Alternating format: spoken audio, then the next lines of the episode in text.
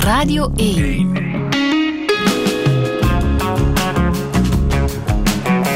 Touché. Met Friede Lesage.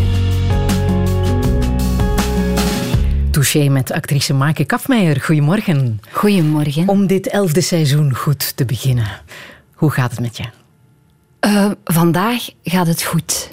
Vandaag? Ja, het is van dag tot dag. Ik heb een goede dag, ik heb een slechte dag. Maar uh, vandaag is het goed. Ik ben met de zonneschijn naar hier gereden. Um, ja, en ik heb er zin in. Ja, een goede vakantie gehad.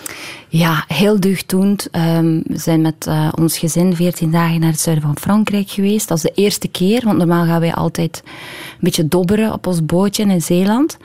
Maar um, ja, we waren nu in het zuiden van Frankrijk in het vakantiehuisje van mijn grootvader, Weile mijn grootvader. mijn onkel heeft dat letterlijk en figuurlijk nieuw leven ingeblazen. En ja, ik heb daar, uh, ja, als, als kind heb ik daar fantastische herinneringen aan. En, uh, dus dat was welkom. Ja, ja, Vandaag is ook wel een beetje een speciale dag natuurlijk, want ja. vanavond gaat Chantal uh, in première. Ik weet niet of je dat nog zegt bij televisieseries, maar de eerste aflevering wordt getoond hè, op, mm -hmm. uh, op één. De spin-off van het personage dat je al speelde in Eigen Kweek. Klopt. Is dit ook nog voor jou spannend? Ja, natuurlijk is dat spannend voor mij. Voor iedereen, denk ik, hè, die eraan meegewerkt heeft. Het, is, uh, het is wel een werk geweest van, van een ploeg en van, van iedereen bij elkaar. Dat is gewoon zo, want dan, nee, nu worden de vraag naar mij gesteld. Maar uiteindelijk heb ik bijna ja, een jaar in quarantaine gezeten met altijd dezelfde mensen om mij heen. Ja. Die uh, ja, 12 uur per dag toch het beste van zichzelf hebben gegeven om er iets moois van te maken. En ik denk dat we daar wel in geslaagd zijn. Ik denk alle West-Vlamingen en de fans van Bevergem en Eigen Kweek, die zitten zeker te wachten. Ja. Je moet de rest ook over de schreef krijgen, hè? Ja, maar ze gaan kijken. ze gaan kijken. Ja, met ondertiteling? Ja, ik weet het eigenlijk niet. Weet jij dat? Nee. nee. ik vermoed van wel. Ik vrees als het nodig zou zijn. Ja, ja. Nu, om die serie te promoten, zoals je zegt, uh, stellen de mensen de vragen aan jou. Hè. Vind je dat moeilijk om dan als Maaike Kafmeijer uh, de interviews te doen en ja, jezelf bloot te stellen? Ja, zeker. Ja, ik vind dat echt niet gemakkelijk, want... Um, ja, u vraagt altijd uh, bij het begin van het programma, omschrijft u zelf een keer. Ja, ik zou direct zeggen een spontane twijfelaar. Als er een woord uit is, denk ik al direct van misschien had ik het toch anders kunnen zeggen. Of misschien had ik dat toch niet moeten zeggen. Of het was beter geweest. Al, ja. Oh, dat is soms heel zwaar vervelend. Mijn kop staat nooit stil. Mm-hmm. Maar aan de andere kant, ja... Um, mijn mama zegt, ja, ik kan het goed zeggen, dus zeg het dan maar. Maar toch las ik heel vaak in interviews dat je van nature verlegen bent. Wat bijna ongeloofwaardig is, denk ik, voor heel veel mensen. Ja, dat klopt, maar dat is echt zo. Ja. Um, um, ik heb een jaar of, ik denk dat nu ondertussen ook een jaar of zeven geleden is, ooit met mijn uh, juf van het zesde leerjaar opnieuw afgesproken voor een programma op televisie. En uh, zij heeft dat onderstreept. Zij had nooit gedacht dat ik, uh, dat ik actrice zou worden. Eerder uh, schooljuffrouw of regentes of zoiets. Maar zeker niet iets waar dat ik van voor zou gaan staan op de planken. Ik was echt heel verlegen. Hm. Alleen heb ik toen wel ontdekt dat um, als ik een gedichtje mocht voorlezen of zo, of een liedje mocht zingen, ik zong ook heel graag, dat dat wel iets deed. Niet alleen met mij, maar ook met de mensen in de mm. klas. Dat die al een keer lachten of stil waren of zeiden van... Amai, je hebt dat mooi gedaan. Een, een, een positieve ervaring gaf mij dat. En denk dat dat mij uiteindelijk op het paard heeft geholpen om dat verder te blijven En het feit dat humor jouw sterkte ja. is, is dat ook iets waar je je kan achter verbergen als je van nature verlegen bent? Voel je dat dat ook een soort scherm is dat jij kan gebruiken? Ah ja, ik heb dat zeker in eerste instantie gebruikt als ontmijning voor ongeveer elke situatie waar ik uh, ja. mij in bevond. Ik weet nog, um, in het vierde middelbaar, ik was niet, ja, ik was een student. Ja, was ik? Ik was ik een student. Ja, alleszins geen goeie. Ik voelde mij nooit uh, ergens thuis.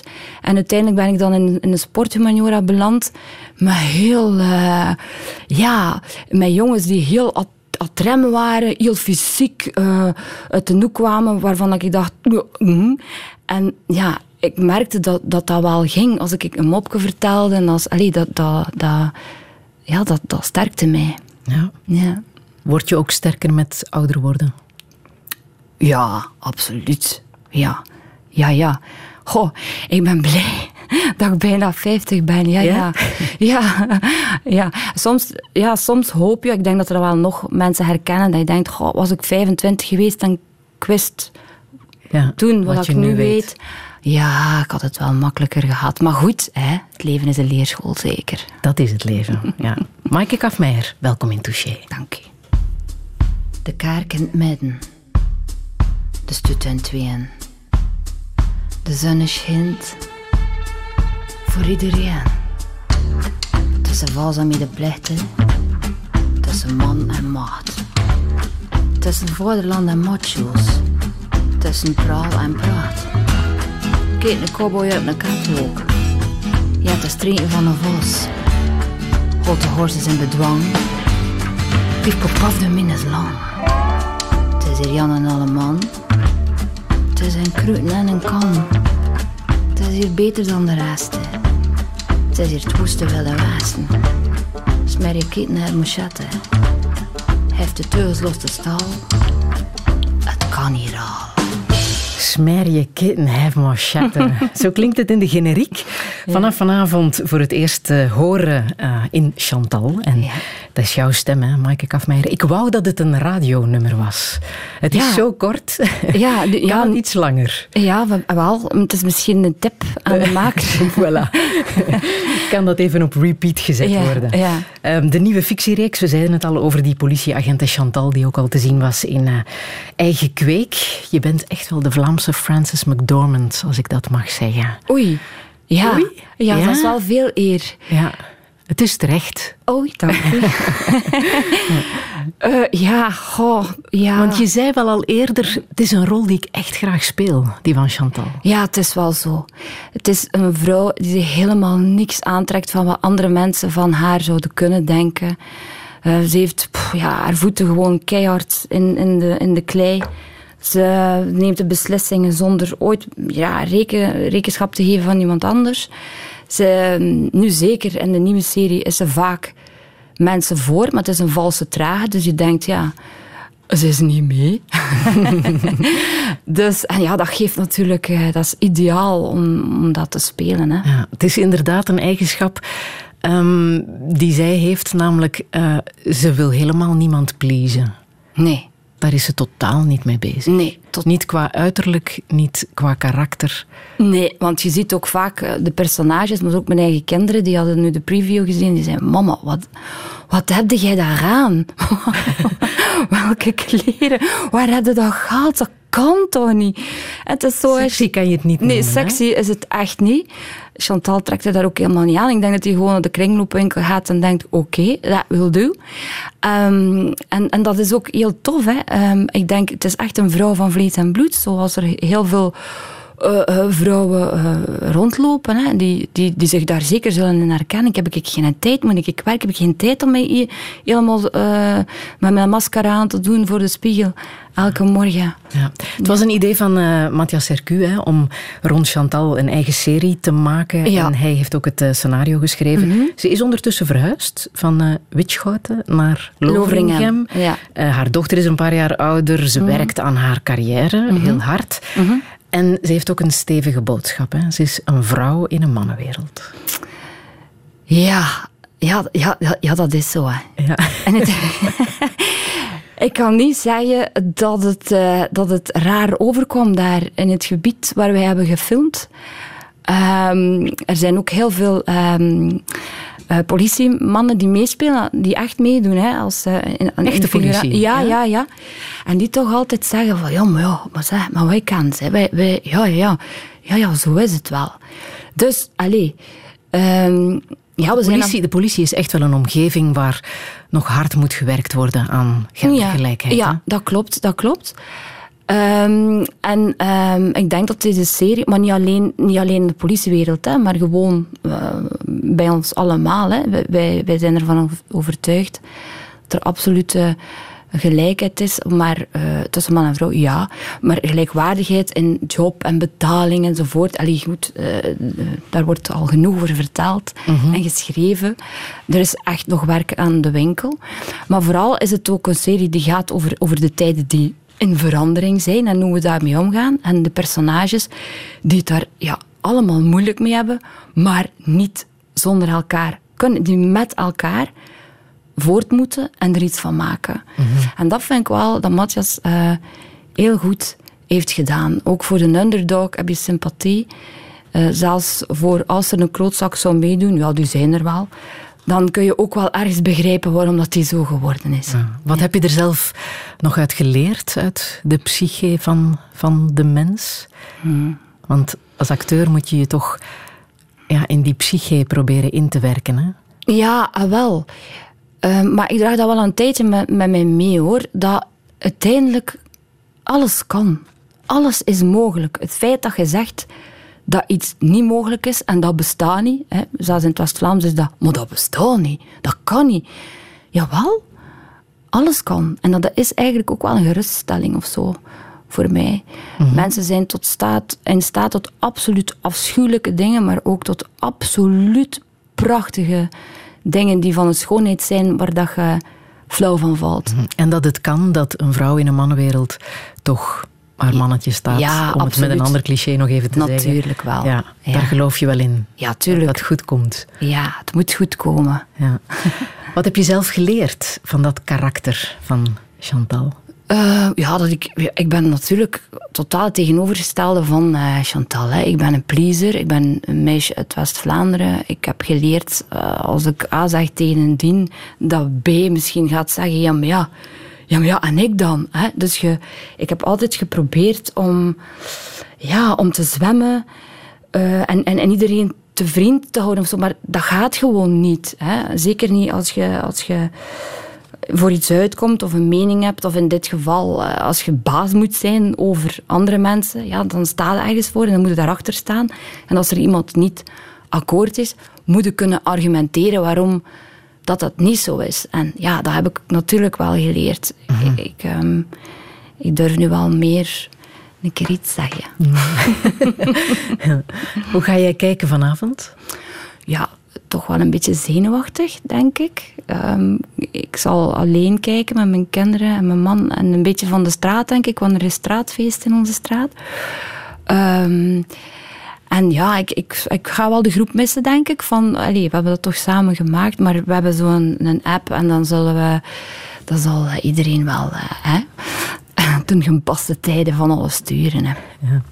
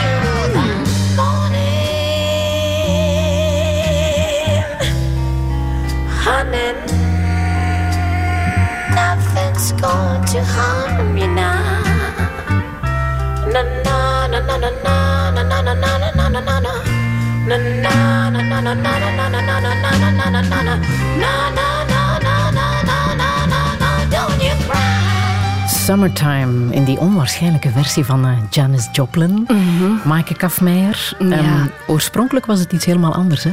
Het was een, uh, een ja. aria. Een aria uit een uh, opera, opera van Gershwin. -hmm. Die, ehm, ja, een ongelooflijk figuur toch, hè? Die is in 1935, denk ik ongeveer, in première gegaan. En die wou dat die opera absoluut gespeeld werd door zwarte mensen. Wat natuurlijk in die tijd not done was. Hè. Had een, een hele cultuur wit en zwart, als ik het dan zo simplistisch mag voorstellen. Maar hij was ervan overtuigd dat, um, dat dat moest gezongen worden, omdat het, het verhaal uh, leende zich er natuurlijk ook toe. Maar omdat hij vond dat de muzikaliteit en de spirit um, of de black people gewoon dat alles naar een, naar een, naar een torenhoog niveau zou tillen. En um, hij heeft dat destijds de tijdsgeest voor elkaar gekregen, wat toch veel zegt. Mm -hmm. Over Gershwin. Zelf een, um, denk ik, een, een, een, een Joodse, van Joodse afkomst. Dus uh, ze wisten wel wat het was om gediscrimineerd te, um, te worden. Maar dat heeft hem toch ja, er niet van weerhouden om, om, om, om dit te maken. Nu was hij buitengewoon muzikale man. Uh, Rhapsody in Blue zal misschien mm -hmm. voor veel mm -hmm. mensen wel uh, bekend in de oren klinken. Maar um, waarom dat ik Janice heb gevraagd, dat is omdat Janice is echt voor mij mijn eerste heldin. Ik ja. herinner mij ja, als kind, mijn vader had zo'n LP. Mijn vader had een enorme uh, platenkast. Hè. En hij had een LP en zij zat daar op een motto. en die zat op die motto en ik dacht dat, ja, ik wil ook op de motto. Maar vooral, ik wil zingen gelijk Janice.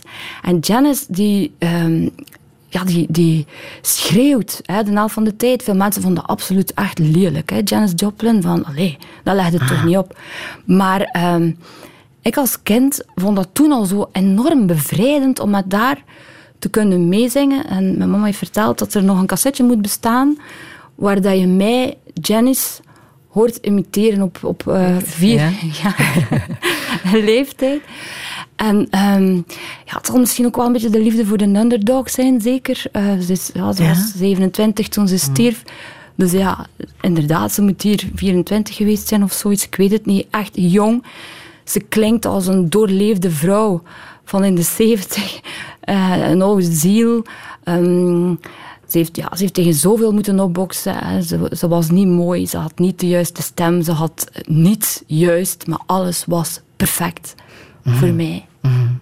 In hoeverre waren de kafmeijers zowat underdog of, of anders dan anders in, in Torhout, waar jij bent opgegroeid? Um, wel, ik denk dat anders dan anders was dat mijn grootvader althans uh, zeer veel oog had voor kunst en cultuur. En dat hij vanuit zijn beroep, want hij was banketbakker in Torhout. Pas op, ik ben dat ook maar op latere leeftijd te weten gekomen, want ik heb altijd geweten dat hij leraar dictie was in de normale school. En uh, toneelregisseur voor het amateurtoneel. Maar hij had dus een, een bloeiende carrière als banketbakker en kon zeer goed crème glas maken, heb ik me laten vertellen. Mm. En um, hij, hij, hij wou eigenlijk altijd acteur worden, maar ja, dus zijn, zijn, zijn vader was bakker, dus dan werd je ook bakker.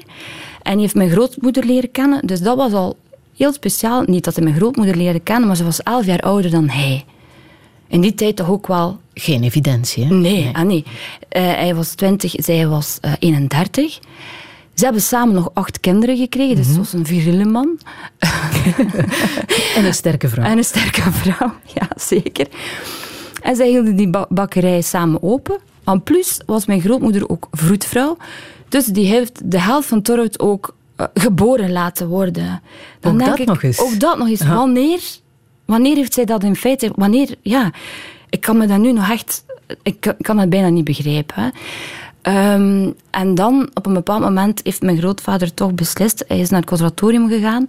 En uh, een van de eerste toneelstukken waar ik... Ja, het eerste, mijn debuut eigenlijk, en Wachtend op Maar dan op latere leeftijd, uh, als hij al ja. acht kinderen had. Ja, ja. en Bert André, zijn vrouw, uh, Bert André, heeft bij hem in de klas gezeten. Hij heeft mij dat verteld. Dat, dat, hij, dat, hij, ja, dat hij dat heel graag wou doen en dat, hij, en dat goed kon en zo. Maar ja acht kinderen, dat gaat niet. Hè. Dus hij moest zijn bakkerij verder blijven doen. En uiteindelijk uh, is hij dan uh, toch heeft hij zijn bakkerij over de Haag gegooid. is hij leraar dictie geworden. Uh, heel veel leren, leraren en regenten hebben les gekregen van mijn grootvader. En heel veel mensen die later in het toneel gekomen zijn, onder wie bijvoorbeeld Dirk Tange, um, die later een bekende toneelregisseur is geworden. Heeft verteld dat hij enorm veel aan mijn grootvader heeft gehad, omdat hij zoveel liefde voor het vak uitstraalde. En alle mensen ervan overtuigde om mee te spelen in zijn stukken. En ja, het is ook wel iets, hè, als je een 9-to-5 job hebt en je komt s'avonds naar de repetitie en je hebt daar zo'n kafmeijer die je helemaal begeestert om het beste van jezelf te geven ja, dat zijn waanzinnig mooie momenten geweest. Mhm. En heeft hij zelf ook geweten dat jij naar het conservatorium trok? Ja, heeft hij dat nog geweten? Ja, hij heeft nog juist geweten. Hij, het, was, het was echt, hij was stervende. Ja. En uh, hij heeft mij nog gezegd, uh, ja, maar hij had wel een beetje beter moeten leren klap en een bek houden, want anders gaat dat niet met jou. En hij heeft ergens wel gelijk gekregen maar, dat over maar ook een beetje niet, hè? Voilà, ah. voilà. Je hebt net van dat prachtige West-Vlaamse dialect een, uh, een kracht gemaakt. Ja, en dat, dat was natuurlijk ook voor mij... Ik, dat had ik het nooit durven verwachten. Want toen ik als, um, als meisje in het conservatorium kwam... Ja, het eerste waar dat ik natuurlijk mee met zo'n ogen werd bekeken was van... Oh, oei, oei, oei, oei. daar is, is echt veel werk aan. En dat was ook zo. Hè. Ik, ik, ik, kon geen twee zinnen na elkaar zeggen. En pas op, je het nog altijd waar ik kom. Maar goed, ondertussen heb ik daar zelf al geen probleem meer mee. Hmm. Maar het bijzondere is dat jij ook niet rechtstreeks naar het conservatorium bent gegaan. Nee. Hè? Je hebt ook nog een omweg gemaakt. Ja, ik heb inderdaad een jaartje uh, aan de universiteit uh, gesleten, geschiedenis. Um, ja, ik, ik uh, hou enorm van verhalen, maar geschiedenis was dan toch te dood. Een te dood verhaal. voor mij. En ik maar wat had je dan niet gedacht? Hè? Ik word, ik word ja, lerares geschiedenis. Ja, ja? Ik, ja. Ah. ik, vond het, ik, ik vind geschiedenis nog altijd heel fijn. Ik ben zeer geïnteresseerd. Ik, koop, ja, ik ben een boekenworm. Um, ik koop te veel boeken. Um, ja, als je de geschiedenis niet kent, kun je het, de toekomst en het heden ook niet begrijpen. Hè. Dat, daar ben ik wel van overtuigd. Um, dat jaartje, dat, uh, dat nee, is niet gelukt. Nee, nee, nee. Maar goed, dan ben ik naar het regentaat uh, overgestapt. Nederlandse geschiedenis, godsdienst. Um, en daar heb ik dus, was ik in het laatste jaar uh, gebuist voor mijn godsdienst. En, Echt? Ja. en terecht. Het is nooit meer goed gekomen. nooit meer goed gekomen. Wat dat betreft. maar dat van... had je zelf gekozen, godsdienst? Ja. Ik ben um, ja, zeer geïnteresseerd. Pas op, ik kom uit een, een, een West-Vlaams nest, een katholiek nest. Wij gingen ja, elke week de zondag naar de kerk. Dat was verenigbaar, die liefde voor theater en elke week naar de kerk? Ja, mijn grootvader was van zijn geloof gevallen. Dat moet ik wel zeggen, maar mijn grootmoeder niet. Zijn vrouw niet. Hè. Die, uh, wij gingen met haar, met haar dafke. Die had zo'n zo nottootje, waar dat ze op de verkeerde kant nota bene het rond, het rond punt opdraaide. Ik zie mijn zus en ik altijd van achter zeggen Moeke, we zeiden Moeke tegen haar, alsjeblieft. Meestal als ze gewoon in haar avond te babbelen, hoorde ze niet wat wij zeiden. Dat was voor haar ook haar enig moment dat ze een keer alleen kon zijn. En ze reed dan met ons naar Zevenkerken.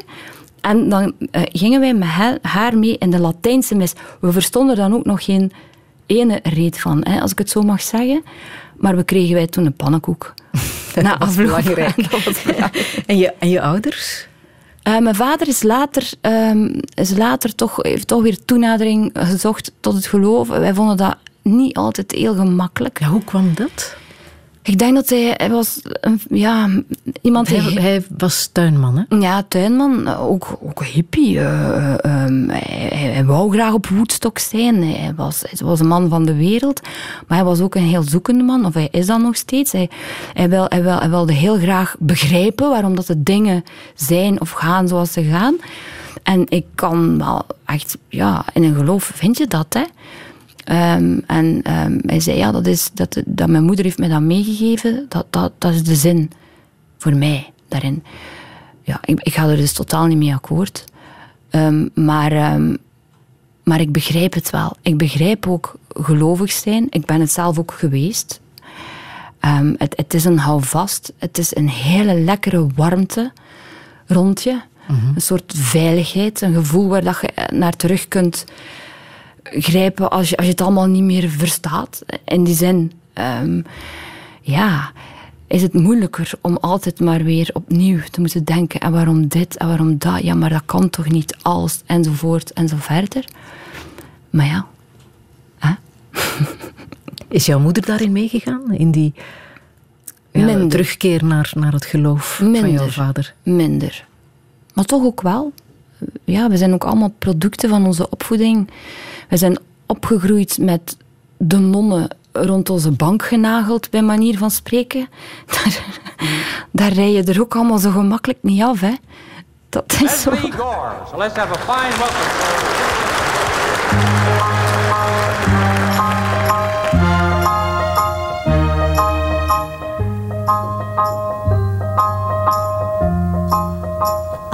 Could have danced all night I could have danced all night and still have begged for more. I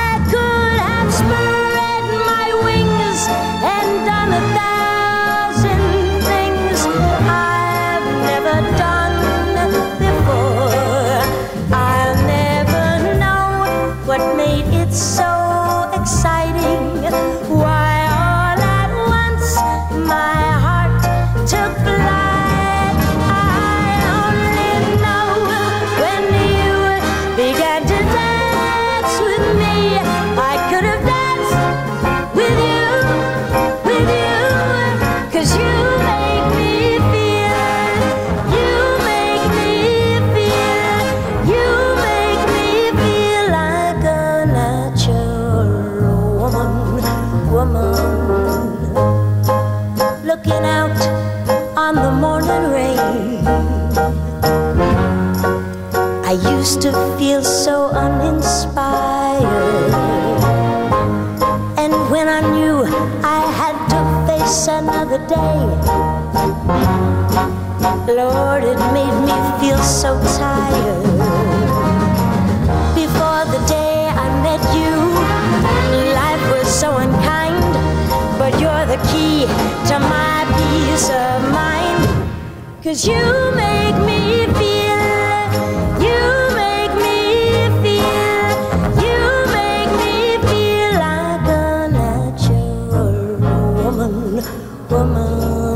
Hmm. when my soul was in the lost and found. You came along to claim it. I didn't know just what was wrong with me till your kiss helped me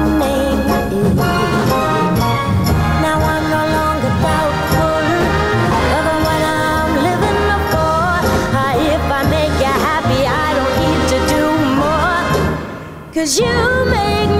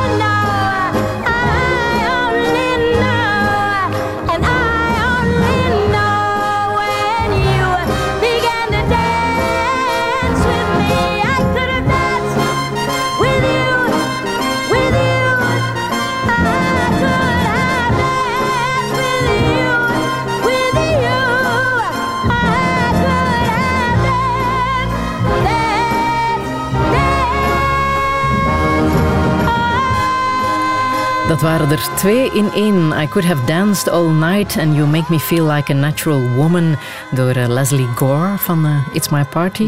Ze zong het live tijdens de Ed Sullivan Show. Ik krijg daar ook applaus Ja, voor, ja. Maaike Kafmeijer.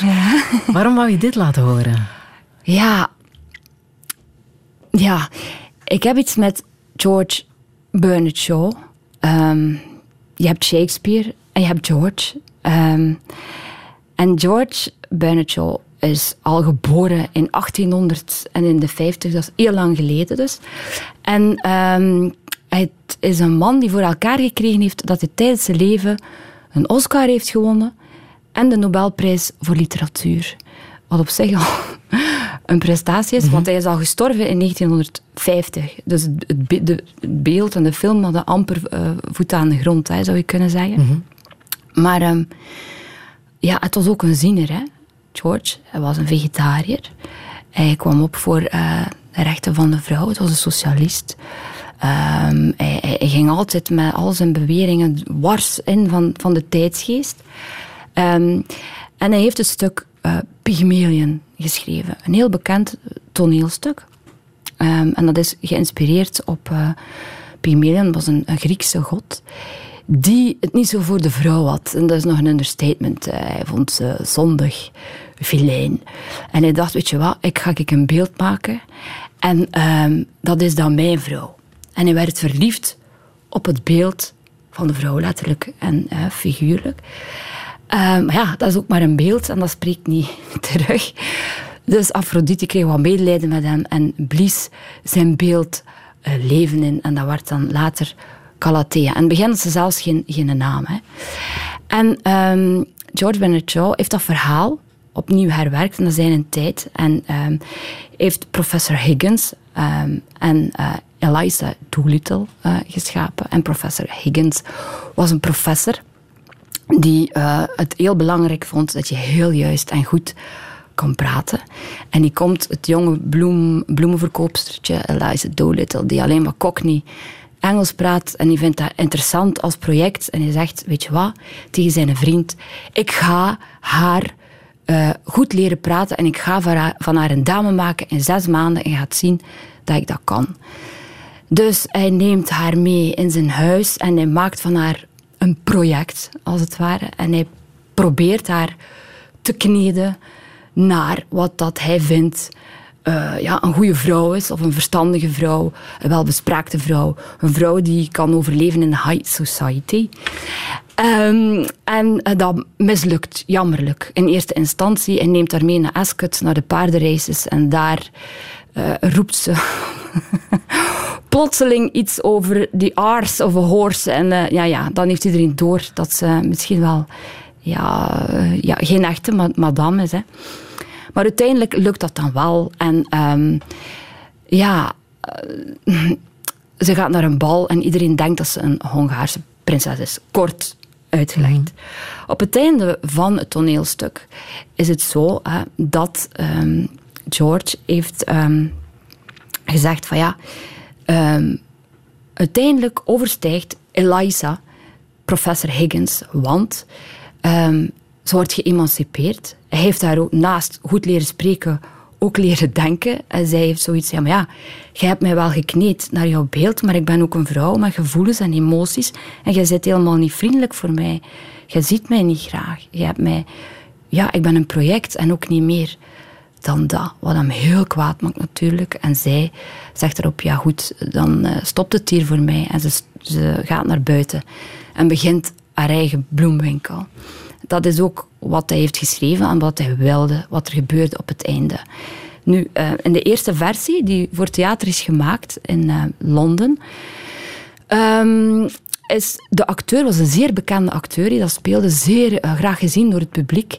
En het publiek zelf aanvaarde eigenlijk niet dat de professor en het meisje, Eliza, geen liefdesverhaal hadden met elkaar op het einde. Maar dat kan toch niet? Ze moeten toch bij elkaar komen? Zij moet verliefd worden op, op hem. En dan, en dan hebben ze een gelukkige toekomst. Dan wonen ze samen in een huis en bla bla bla. En ehm, achter het gat van Shaw heeft die acteur het voor elkaar gekregen om op het einde van het stuk met bloemen naar Eliza te beginnen gooien. Zodanig dat het publiek de impressie kreeg dat Eliza echt verliefd was op hem en dat het weer goed zou komen. En daar was Shaw zo kwaad voor en zei: absoluut onmogelijk. Die vrouw heeft leren denken, ze is geëmancipeerd. Zij kan toch niet bij iemand blijven die haar zo behandelt. En heeft laten noteren in zijn testament dat het dus niet mocht gespeeld worden met een ander einde. Hij heeft een Oscar gekregen ook voor zijn filmadaptatie, waar het dus ook niet eindigt met een liefdesverhaal tussen die twee. Maar wat is er nu gebeurd toen hij stierf in uh, 50? Daarna is de musical My Fair Lady gekomen, die super bekend is geworden hè, met uh, Audrey Hepburn in de, in de hoofdrol. En daar hebben ze het einde gewoon veranderd. Het is bijna een tang op een varken. Als je daar nu naar kijkt, dan zie je dat op het einde die uh, prachtige, mooie, vrijgevochten uh, Eliza terugkomt mm-hmm. en dat ze zegt, I'm back. En hij zegt, pak maar mijn pantoffels. Bijna als een, als een slag in, uh, in, het, uh, in het Maar waarom raakt jou dat zo? Ah, wel, omdat die, dat, dat I've, I've could have danced all night komt uit die musical. Uh, ik heb dat als kind gezien, was daar weg van. En ik had dan uiteindelijk alleen maar oog voor dat meisje dat niet goed kon praten. Daar herkende ik natuurlijk mezelf wel in. die, die, die, die dat alles overstijgt en een madame kan worden. Maar dat idee van gevormd worden naar... Ja, ah, wel. Dat is natuurlijk pas later mee beginnen dagen mhm. wat dat, wat dat, dat ehm, wat dat, dat doet. En ik wou ook absoluut deze versie, met, um, omdat ook uh, You Make Me Feel Like a Natural Woman is... Een nummer geschreven door Carol King. Carol King was uh, pas 17 jaar, denk ik, of 18 toen ze dat schreef. Heel jong. En dat gaat eigenlijk absoluut... Ja, dat is absoluut het tegenovergestelde. Hè, van, mm -hmm. Jij laat mij mezelf zijn. Jij, laat, jij haalt alles in mij naar boven, waardoor dat ik mijn vrouw voel. En het andere haalt, maakt al eigenlijk mhm. alles kapot, waardoor mhm. ik mijn vrouw voel. En dat vond ik wel belangrijk. Ja. En hoeveel van Maaike Kafmeijer zit in heel dit verhaal? Och ja, veel natuurlijk. Hè. Mhm. Ja, ik heb dat... Ja, um, ja de tijd um, is een uh, goede raadgever. Dat is ook zo. Maar ik was natuurlijk als twintigjarig meisje heel eager en heel... Ik wilde, ik wilde alles doen, ik wilde alles spelen, ik wilde overal bij zijn. Ja, dat is natuurlijk wel veranderd. Mhm. Eh, ik, uh, ik mag nu al meer kiezen tussen wat ik doe. En ik kan ook niet alles nog spelen, of ik wil ook niet meer uh, alles spelen. Mhm. um, en natuurlijk, ja, de positie van de vrouw. Ook al kan ik mezelf bezwaarlijke feministe noemen, maar ik ben het toch wel geworden, ja. Weet ik wel. Je hebt heel veel quotes van George mm. Bernard Shaw nog naar mij doorgestuurd. Ik wil er eentje, eentje uitpikken. Onze vooroordelen zijn zo diep geworteld dat we ze nooit als vooroordelen beschouwen, maar ze gewoon gezond verstand noemen. Ja. Wat begrijp je daar? Ja, ah, wel. Ze spreken soms wel een keer van het Pygmalion-effect. Uh -huh. um, en dat is dat wij eigenlijk kijken naar de dingen zoals wij ze kennen en ze ook beoordelen zoals wij ze dan kennen of begrijpen of, of willen verstaan. En um, ja, ik denk dat dat nu ook wel een van de problemen is in deze tijd waar dat we allemaal tegenaan hikken. Dat, uh, dat er, ja, de polarisatie, ik moet het woord al niet meer gebruiken, denk ik, is zo groot. Hè, dat mm -hmm. uh, mensen overtuigd zijn van hun eigen gelijk en daardoor de wereld interpreteren in een eigen gelijk.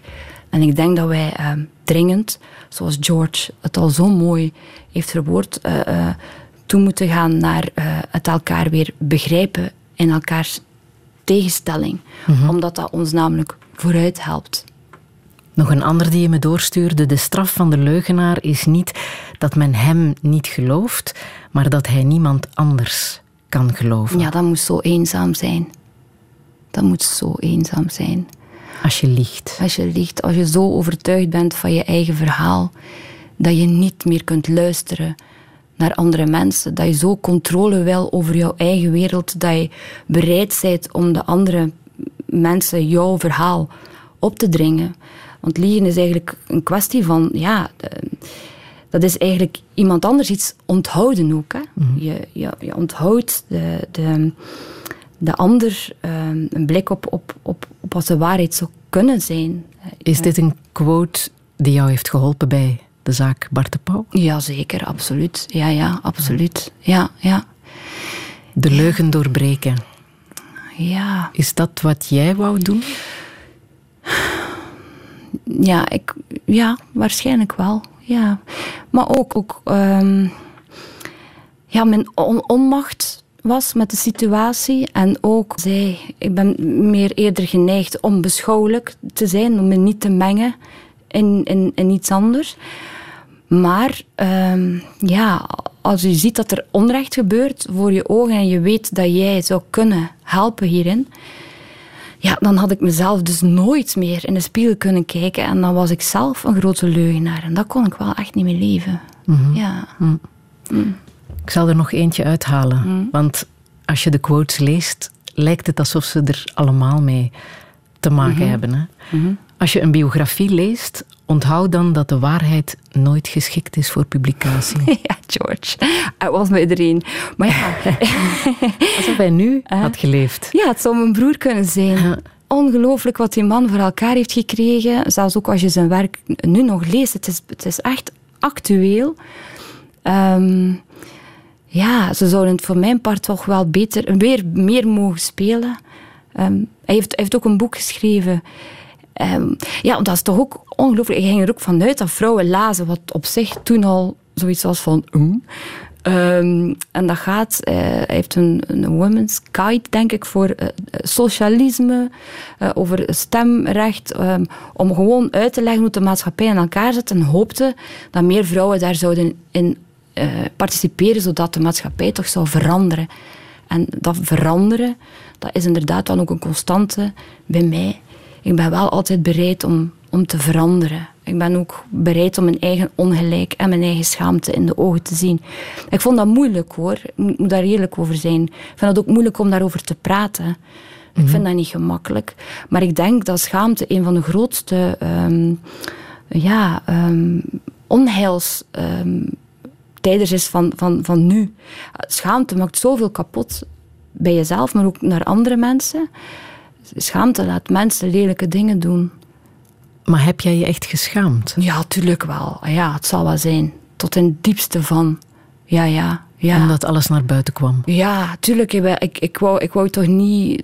Um, kijk, ik, ik, ik probeer soms aan andere mensen voor te stellen. Stel je een keer een momentje voor in je leven waar dat je je zo hebt geschaamd dat je gewoon zelfs niet meer in de ogen van je broer of je zus of zelfs je moeder kunt kijken.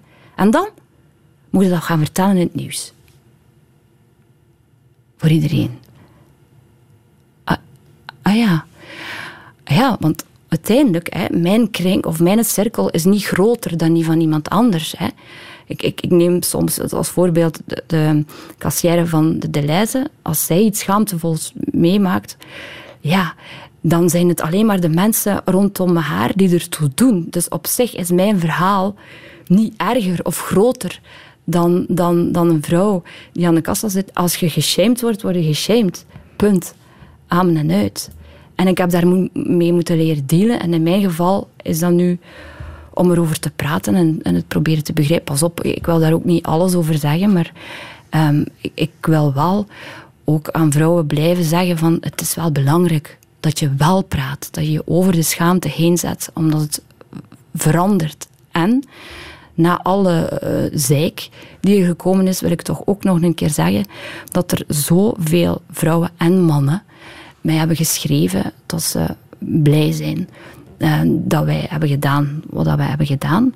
Maar vooral ook schrijven dat ze zelf de stap hebben genomen om te durven naar de politie gaan of naar een vertrouwenspersoon, wat toch niet onbelangrijk is.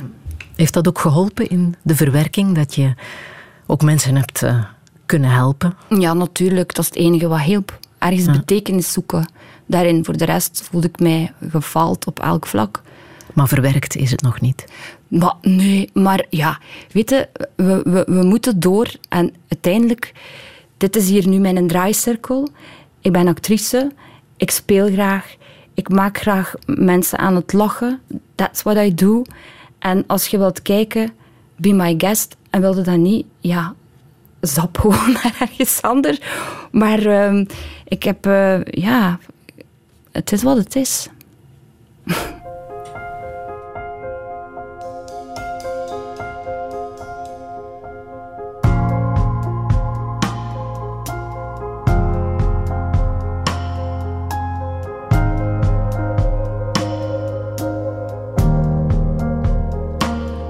I could move mountains, sail away, only cause I got this much faith. This love is alive, but I'm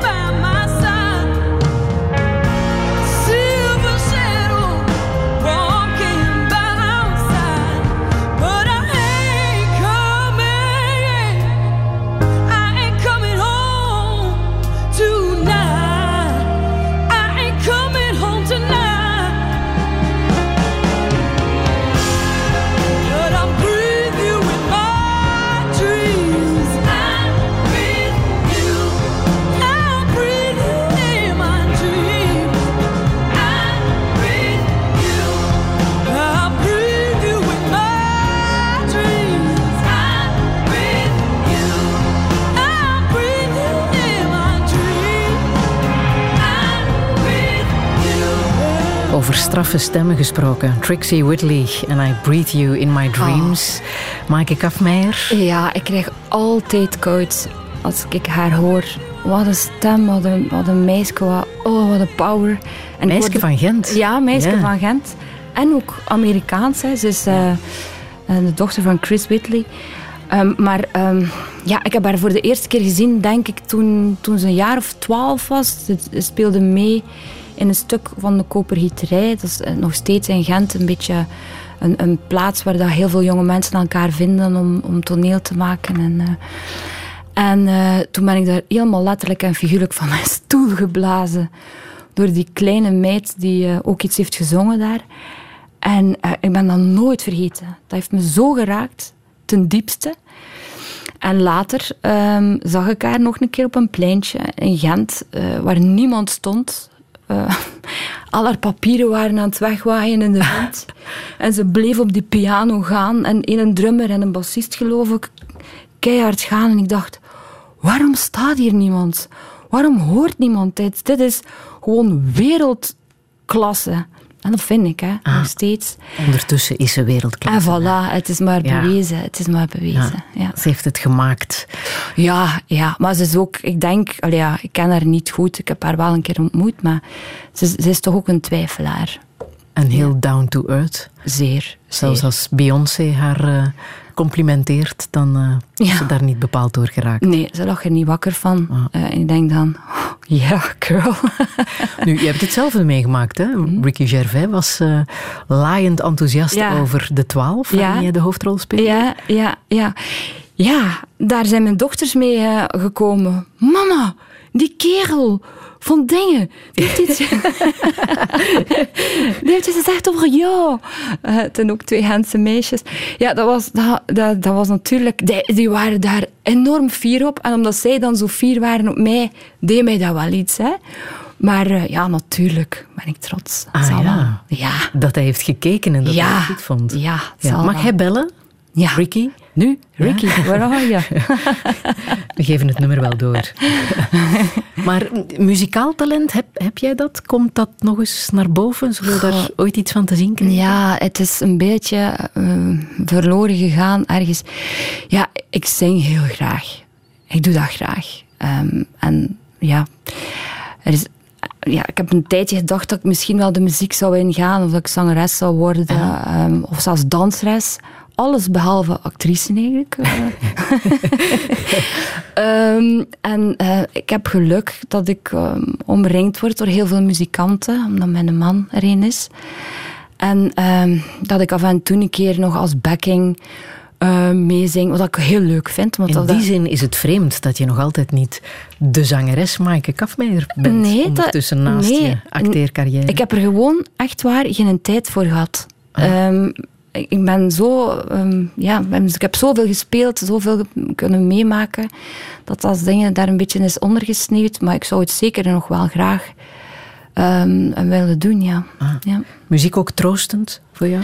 Ja, absoluut. Ehm, muziek is zoiets dat zo keihard direct naar je, naar je hart gaat. En ja, daar, daar is geen woord voor nodig. Hè. Nee. Ik heb nog eh, hele mooie muziek van Nino eh, Rota, zoals die ook te horen is in Romeo en Juliet, Mhm. de Shakespeare-verfilming van Franco Zeffirelli. Een film die jou aan het, eh, aan het huilen heeft gebracht. Ja, voor de kind. eerste keer ja, als kind dat ik me nog herinner. En wat het er zo speciaal aan was, was wij keken altijd bij Meme mee. Meme mee was een zeer down-to- down-to-earth boerin. eh, die dan die een film opzette en, en de ondertitels meelas. Echt poëtisch. poëtisch was dat niet. Maar ze probeerde toch min of meer met haar boerenverstand die film uit te leggen, wat ik achteraf gezien wel heel aandoenlijk vind. Maar op het einde, ja, hè, dat is zo'n tragisch einde. En ik wou mij als kind daar niet bij neerleggen. Ze mochten kan niet sterven. Ze mochten niet sterven.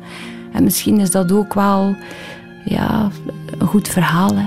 Mhm. dat je het niet wilt zoals het gaat.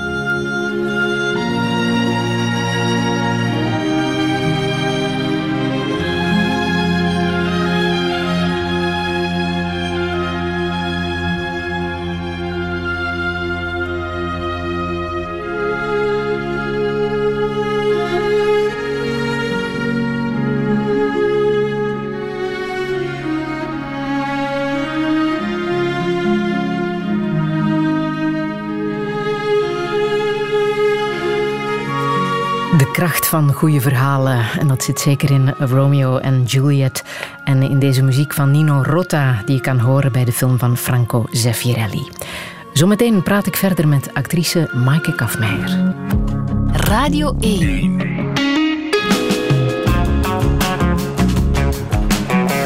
Douche. Met Friede Lesage. Touché met actrice Maaike Kafmeijer. Vanaf vanavond houdt ze als de West-Vlaamse politieagente Chantal op één. Acteren is het liefste wat ze doet. Al heeft het proces De Pauw haar ook de keerzijde laten zien. De inzichten van de Ierse toneelauteur George Bernard Shaw en de kokon van haar gezin hielden haar recht, maar hoe moet het verder? Heeft ze ooit aan stoppen gedacht? Wat helpt haar relativeren en hoe gaat ze de tweede helft van haar eeuw tegemoet? Dit is Touché met Maaike Kafmeijer. We argue in the kitchen about whether to have children, about the world ending in the scale of my ambition and how much is art really worth. Very you're best at is the thing that hurts the most. But you need your rotten heart, your dazzling pain like diamond rings. You need to go to war to find material to sing. I am a mother, I'm a bride, I'm king. I need my golden crown of sorrow, my bloody sword to swing, my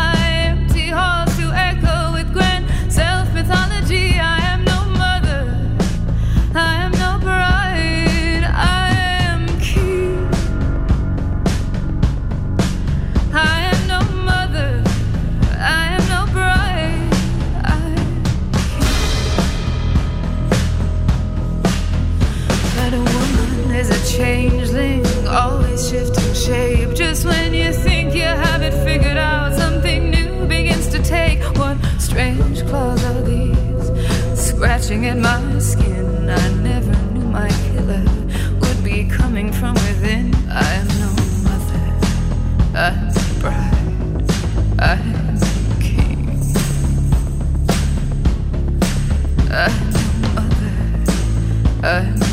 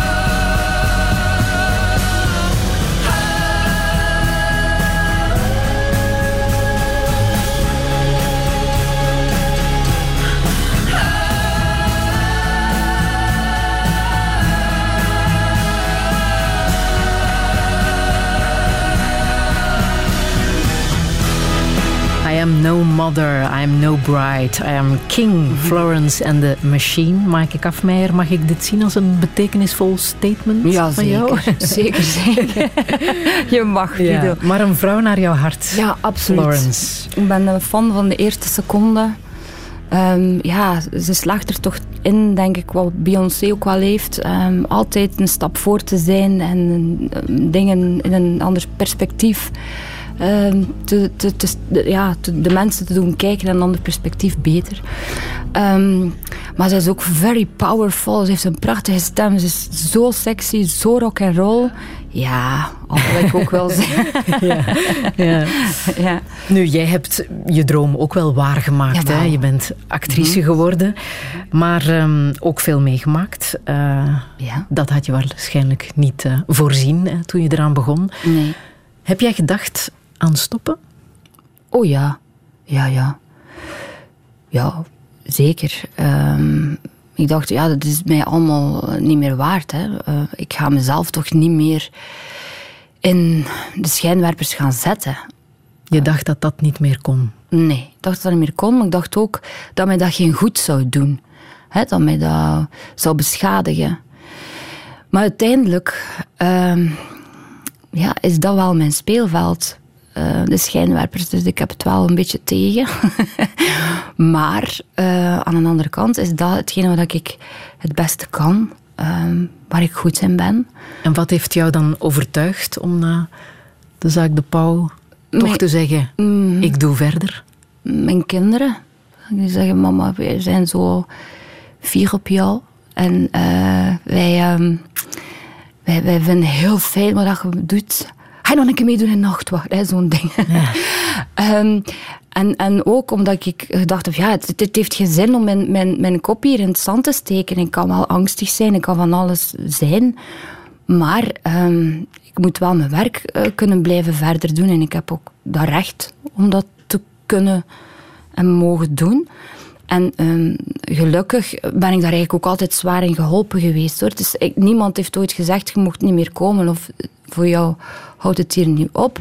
Ik, ik gaf dat eigenlijk wel meer aan mezelf. Van, ik, ja, stop er maar mee. Mm Ik voelde me zo verdrietig en zo uh, alleen. Maar uiteindelijk heeft dat het omgekeerde effect gehad. Om meer te durven met mijn teentjes aan het, aan het uh, koude water te voelen. Um, Peter de Graaf heeft mij daar ook wel enorm in geholpen. We hebben samen een toneelstuk gespeeld wat ik over machtsverhoudingen gaat. Het gaat erover, dus het is bijna therapeutisch geweest, ja. Dat kan ik en mag ik wel zeggen. En hij heeft dat wel het schoonste cadeau gegeven. Hij heeft een machtig mooi stuk geschreven waarin dat, je, dat we alle twee het beste van onszelf konden laten zien en onze tenen uitkuisen ten opzichte van elkaar. Mm um, dus ja. En heeft de de rechtszaak, heeft dat ook op een of andere manier geholpen, die uitspraak? Oh, ik weet dat niet. Uh, of het geholpen heeft, ja, tuurlijk wel. Hè. Een, onderstreping van, um, je hebt het toch allemaal blijkbaar niet zo verkeerd uh, gezien. Of, uh, maar tezelfde tijd merk je ook dat, het, um, dat er een grote grijze zone is waar de wet of de regels niet kunnen benoemen. Mm Want hij is veroordeeld tot zes maanden met uitstel voor de belaging van vijf van de negen vrouwen en het uh, bezorgen van elektronische overlast aan één van hen. Mhm. In jouw geval um, was er mhm. niet voldoende bewijsmateriaal? Nee, dat is ook al jaren um, geleden. De, de, ja, dat wist ik ook op voorhand, hè, dat, die, dat die kans daar bestond. Maar, maar is dat wrang dat je zoiets echt op papier moet kunnen bewijzen? Ja, aan de ene kant ook, ook te begrijpen. Hè. ja, mensen hebben nood aan bevestiging. Um, en zeker in, in zo'n zaken die ook zo diep emotioneel liggen. Maar aan de andere kant um, is er die grijze zone die bijna niet te benoemen valt. Buiten het feit dat er ja, natuurlijk bepaalde patronen of een bepaald gedrag is. Um, wat uh, telkens terugkeert. Hè, waar dat je dan um, ja, kunt naar kijken als zijnde van ja, oei. Hè. Mm -hmm. Nu, daarom betekent dat, dat charter van um, meneer Dalle wel heel veel. Voor, ook voor mijn, voor mijn sector. Um, dat bepaalde dingen nog kunnen en bepaalde dingen uh, niet meer kunnen. Maar het gaat eigenlijk vooral over uh, machtsverhoudingen, hè, om die leren te, te begrijpen. Mm -hmm. um, dat um, een een 16-jarig meisje met een uh, eh, 40-jarige baas, dat er al, dat is heel duidelijk, daar zit al een onevenwicht. Dat kan eigenlijk nooit, nooit, nooit nog goed komen. Hè. Mhm. Dat is ook hetzelfde in bijvoorbeeld My Fair Lady. Er zal altijd een onevenwicht zijn tussen die leraar die wilt dat die vrouw zegt wat hij wilt dat ze zegt. Hè. En dat is wat wij als maatschappij ook beter moeten leren begrijpen. Mhm. Uh, wat heb jij geleerd over schuld en onschuld? Ja. Hm. Ik vind dat een hele, hele moeilijke. Want ja, ik ben eigenlijk op mezelf een, heel vergevingsgezind persoon. Ik kan eigenlijk wel verder kijken dan schuld. Ik begrijp ook wel dat schuld heel veel doet hè, met een mens. Maar we zijn er natuurlijk ook wel als maatschappij om bepaalde dingen uh, een halt toe te roepen. Um, en ik vind dat dat ook moet kunnen. Hè? Dat, um, dat, dat, dat een maatschappij corrigerend optreedt in um, bepaalde gevallen. Absoluut, ja. Mm -hmm. Hoe heb jij die voorbereiding voor die rechtszaak ervaren? Want daar is niemand op voorbereid hè, om ineens ehm, daar je tijd uh, en Mhm. energie in te steken. Ehm, vreselijk, want ik had eigenlijk drie jobs. Ik moest gaan, gaan werken. Ehm, ik ben moeder. En ehm, daarnaast kregen wij natuurlijk ook allemaal conclusies van eh, de tegenpartij, die wij altijd eh, ja, moesten lezen natuurlijk. Dus wij wisten ook op voorhand wat er ons te wachten stond. En dat is wat, wat het publiek dan niet weet. Hè. Dat je weet dat er eh, een zekere tactiek zal, zal gebruikt worden, waarin dat je ja, zult afzien. Dus je gaat daar de slachtbank wetende wat er gaat gebeuren en je kunt dat eigenlijk niet tegenhouden. Eh, want ik zeg nu wel echt moedwillig slachtbank, want ik vond wel dat wij zwaar aangepakt zijn. Hè. Maar goed, ehm, ehm, dan nog vond ik het wel mijn taak, en trouwens, ik mag in, elke, in alle meisjes een naam spreken, denk ik, om er te blijven staan en recht staan. En dat het tijd is voor verandering en tijd voor begrip. En eh, dat hebben wij ook altijd gehad, hè. Eh, wil ik nog maar eens zeggen. Binnen de rechtbank. Ja, we hebben ook begrip gehad voor de tegenpartijen, ook voor, als we dan in daders en slachtoffers mogen spreken, voor, voor de dader. Ehm, ehm, ja, we wilden denk ik eigenlijk alleen maar een sorry, meer moest dat niet zijn. Maar die heb je niet gekregen. Nee. Nee. Mag Maar- die nog komen? Goh, ik denk, ik vrees dat het daar een beetje eh, te laat voor is. Hè? Want dan, ehm, ja, dit is geen spel, hè. Dit is mijn leven. Hm. Snap je? Dus ehm, ik, ik, kan, ik kan van alles wel begrijpen, maar ja. Zoals Christine het op het, proces ook zei, het is too little too late. Je moet, je moet ook wel echt soms op het juiste moment het juiste woord. Je noemt de rechtbank een slachtbank waar je naartoe bent gegaan. Daarbuiten was er ook de sociale media, hè? waar ook heel veel is opgespuit. Ehm, hoe, heb je dat, ehm, ja, hoe heb je dat verwerkt? Hoe kwam dat bij jou binnen? Ja, hard, eh, veel, overvloedig. Eh, in eerste instantie heel negatief en heel als een storm van. ehm, ja. Misselijkmakend. Maar. Ja, er waren ook stemmen die heel positief en heel eh, ondersteunend en heel lief waren. Maar vooral, ja, ik, ik heb ook op een bepaald moment ook beslist om dat allemaal niet meer te lezen, omdat dat gewoon je beperkt als, als, als mens. En omdat je daar niet, ik raakte daar ook niet mee eh, vooruit. Maar hielp het te weten dat ja, het aantal trollen dat jou via sociale media probeert neer te halen, dat die toch in de minderheid zijn tegenover allicht de zwijgende massa. Ja. Dat jou bewondert om Ja, ja, absoluut. Tuurlijk. de openheid Tuurlijk, tuurlijk, gehad. tuurlijk. En als je ook eh, als je naar, naar trollen kijkt, dat je, en je stelt, ik probeerde mij daar dan een voorstelling van te geven en probeerde mij dat zo belachelijk mogelijk voor te stellen. Dat hielp als ik daarmee kon lachen. Maar ik denk dat elke mens wel dat kent. Hè. Als er één een negatieve opmerking is, dan gaat het die langer onthouden dan een positieve. Eh, wij zitten nu eenmaal zo, maar, zo in elkaar. Er zijn weinig mensen die anders in elkaar zitten. Dus tegenover één negatieve heb je tien positieve nodig om dat, om dat weer te renderen. Zeg maar. Dus dan moest wel heel veel beginnen hè, lezen. Dus ik heb op een bepaald moment beslist. Er zijn mensen die, die, die heel lief voor mij zullen blijven. En er zijn mensen die, ja, die, die, die, die, die mij het licht in de, in de ogen niet meer gunnen. Dat is nu eenmaal zo. Dus ja, maar eh, life goes on. Ja, want jij hebt het beeld van de ideale schoonzoon stuk gemaakt. Ja, ik niet, hè. Dat heb ik niet gedaan. In Nee. de ogen van de trollen. Ja, dat, dat, is, wat, eh, dat is zo. Maar ehm, nee. Mist sociale media een soort eh, grens van respect? Ja, absoluut. Ehm, dat is heel heftig dat er, dat, er, dat er eh, door het kanaal alles kan worden gezegd. En natuurlijk, ja, vrije meningsuiting, zeker, ben ik voor. Maar er is een zekere vorm van respect die, die zo heftig aan het eh, weggaan is. Dat, dat mensen echt beschadigt. Hè. Woorden kunnen mensen beschadigen. Als ik zie dat jonge meisjes of jonge jongens uit het leven stappen omdat ze geshamed zijn geweest of dat er naaktbeelden van hen op het internet eh, zijn verschenen nadat ze dat een liefje hadden doorgestuurd of uh, die wraakporno enzovoort. Dat, dat is zo heftig, dat kan mensen helemaal kapot maken. En ik denk dat er een betere reglementering nodig is. Ja, zeker weten. Ja, absoluut.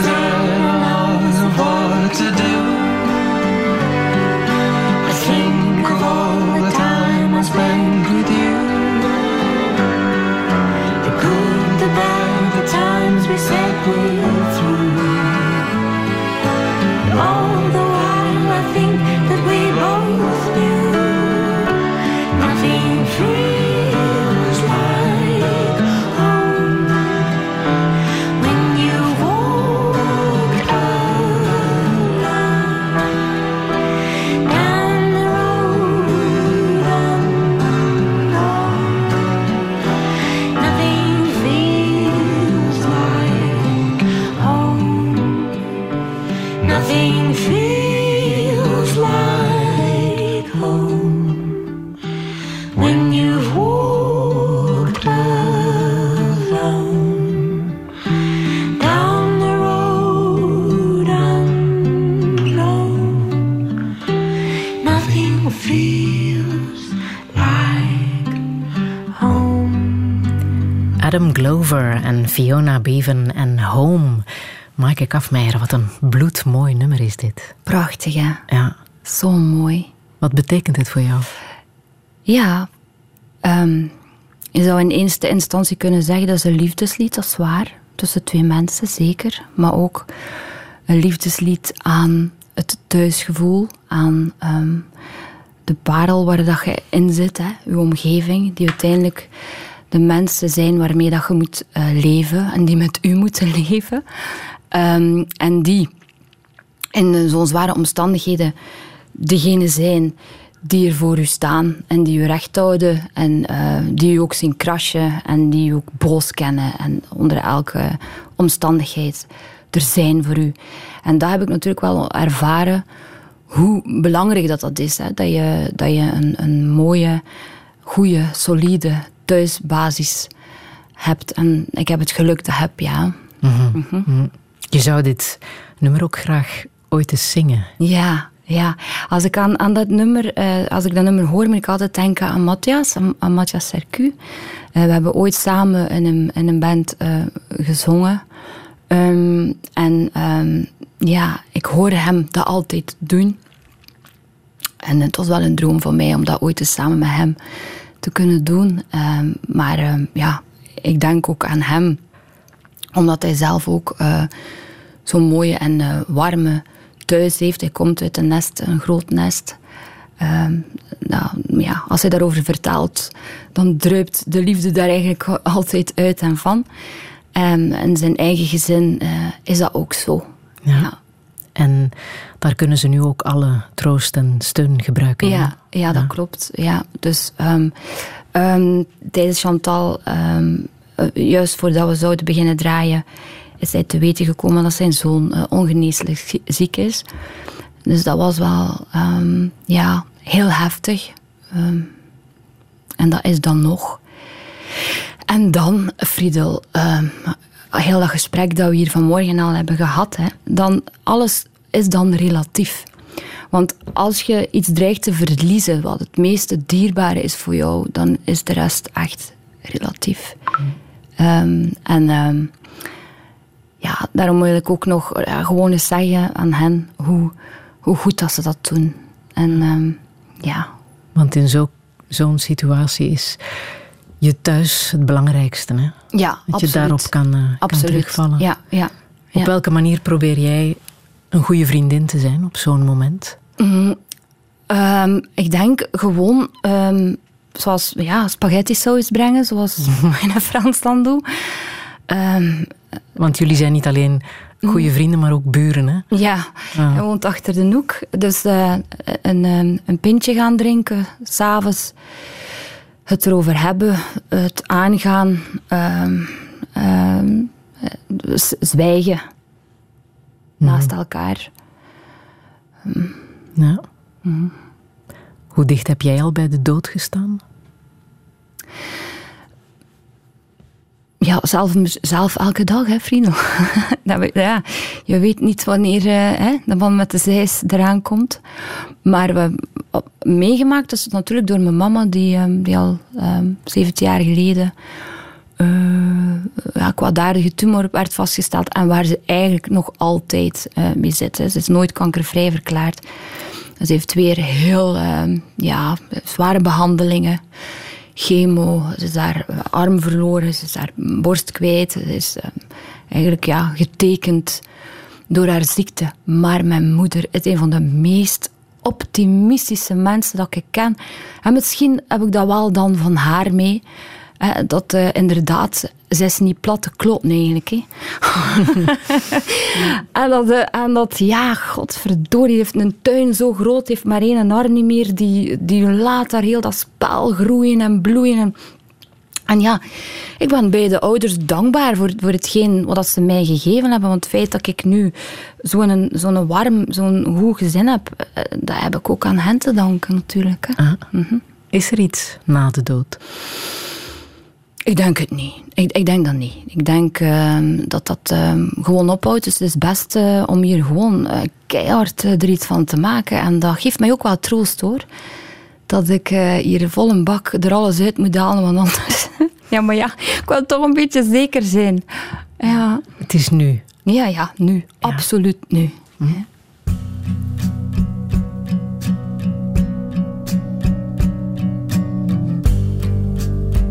Don't go, Sheila.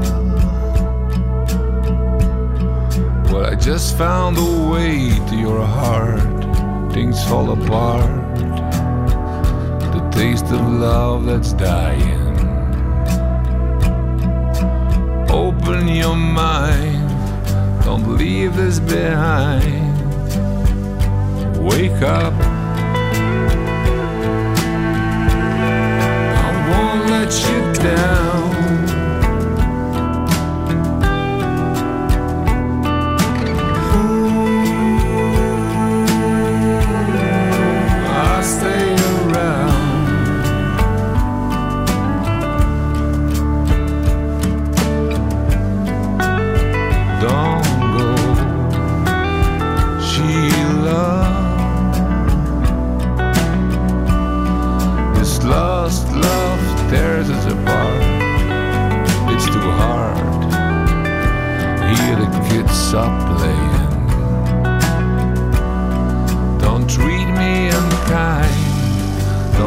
Me behind and wake up.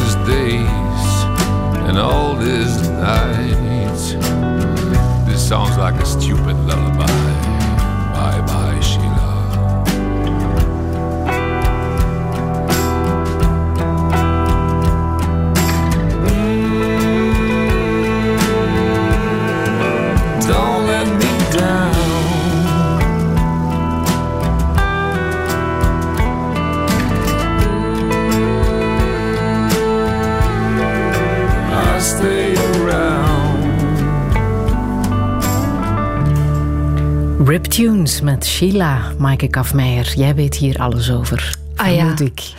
Ja, ja die eh, mannen die eh, repeteren bij ons in de living. en toen ik dat nummer voor het eerste keer hoorde, toen ben ik echt van mijn sokken geblazen. Zo goed vind ik dat. Ehm, maar vooral, die guys zijn toch ook allemaal... eh, nee, eentje misschien niet. Dus sorry op voorhand, jongens. toch eh, bij de 50 of over de 50.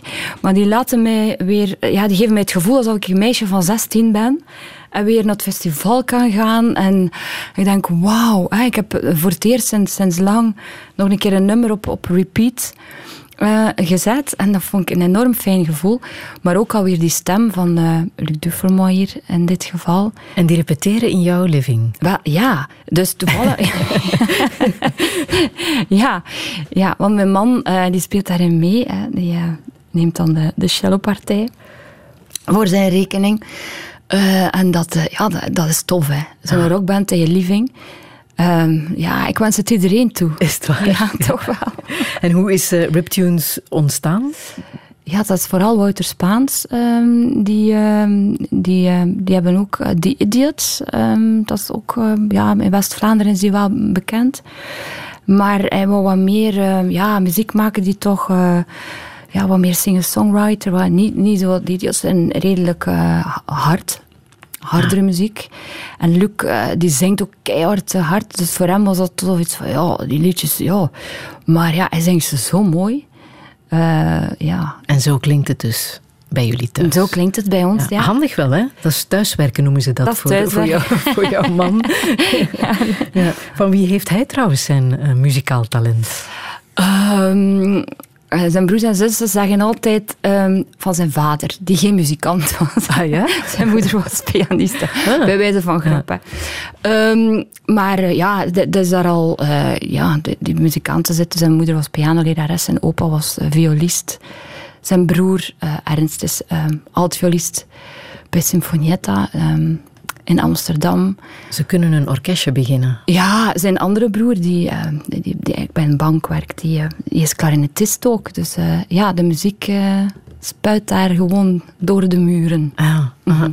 En ehm, ja, je zegt heel vaak over Frans, hij is de man die jou sterker heeft gemaakt. Hè? Absoluut. Ja, dat klopt. Hij is, eh, eerst en vooral heeft hij de guts gehad om bij mij te blijven. Niet gillend weg te lopen.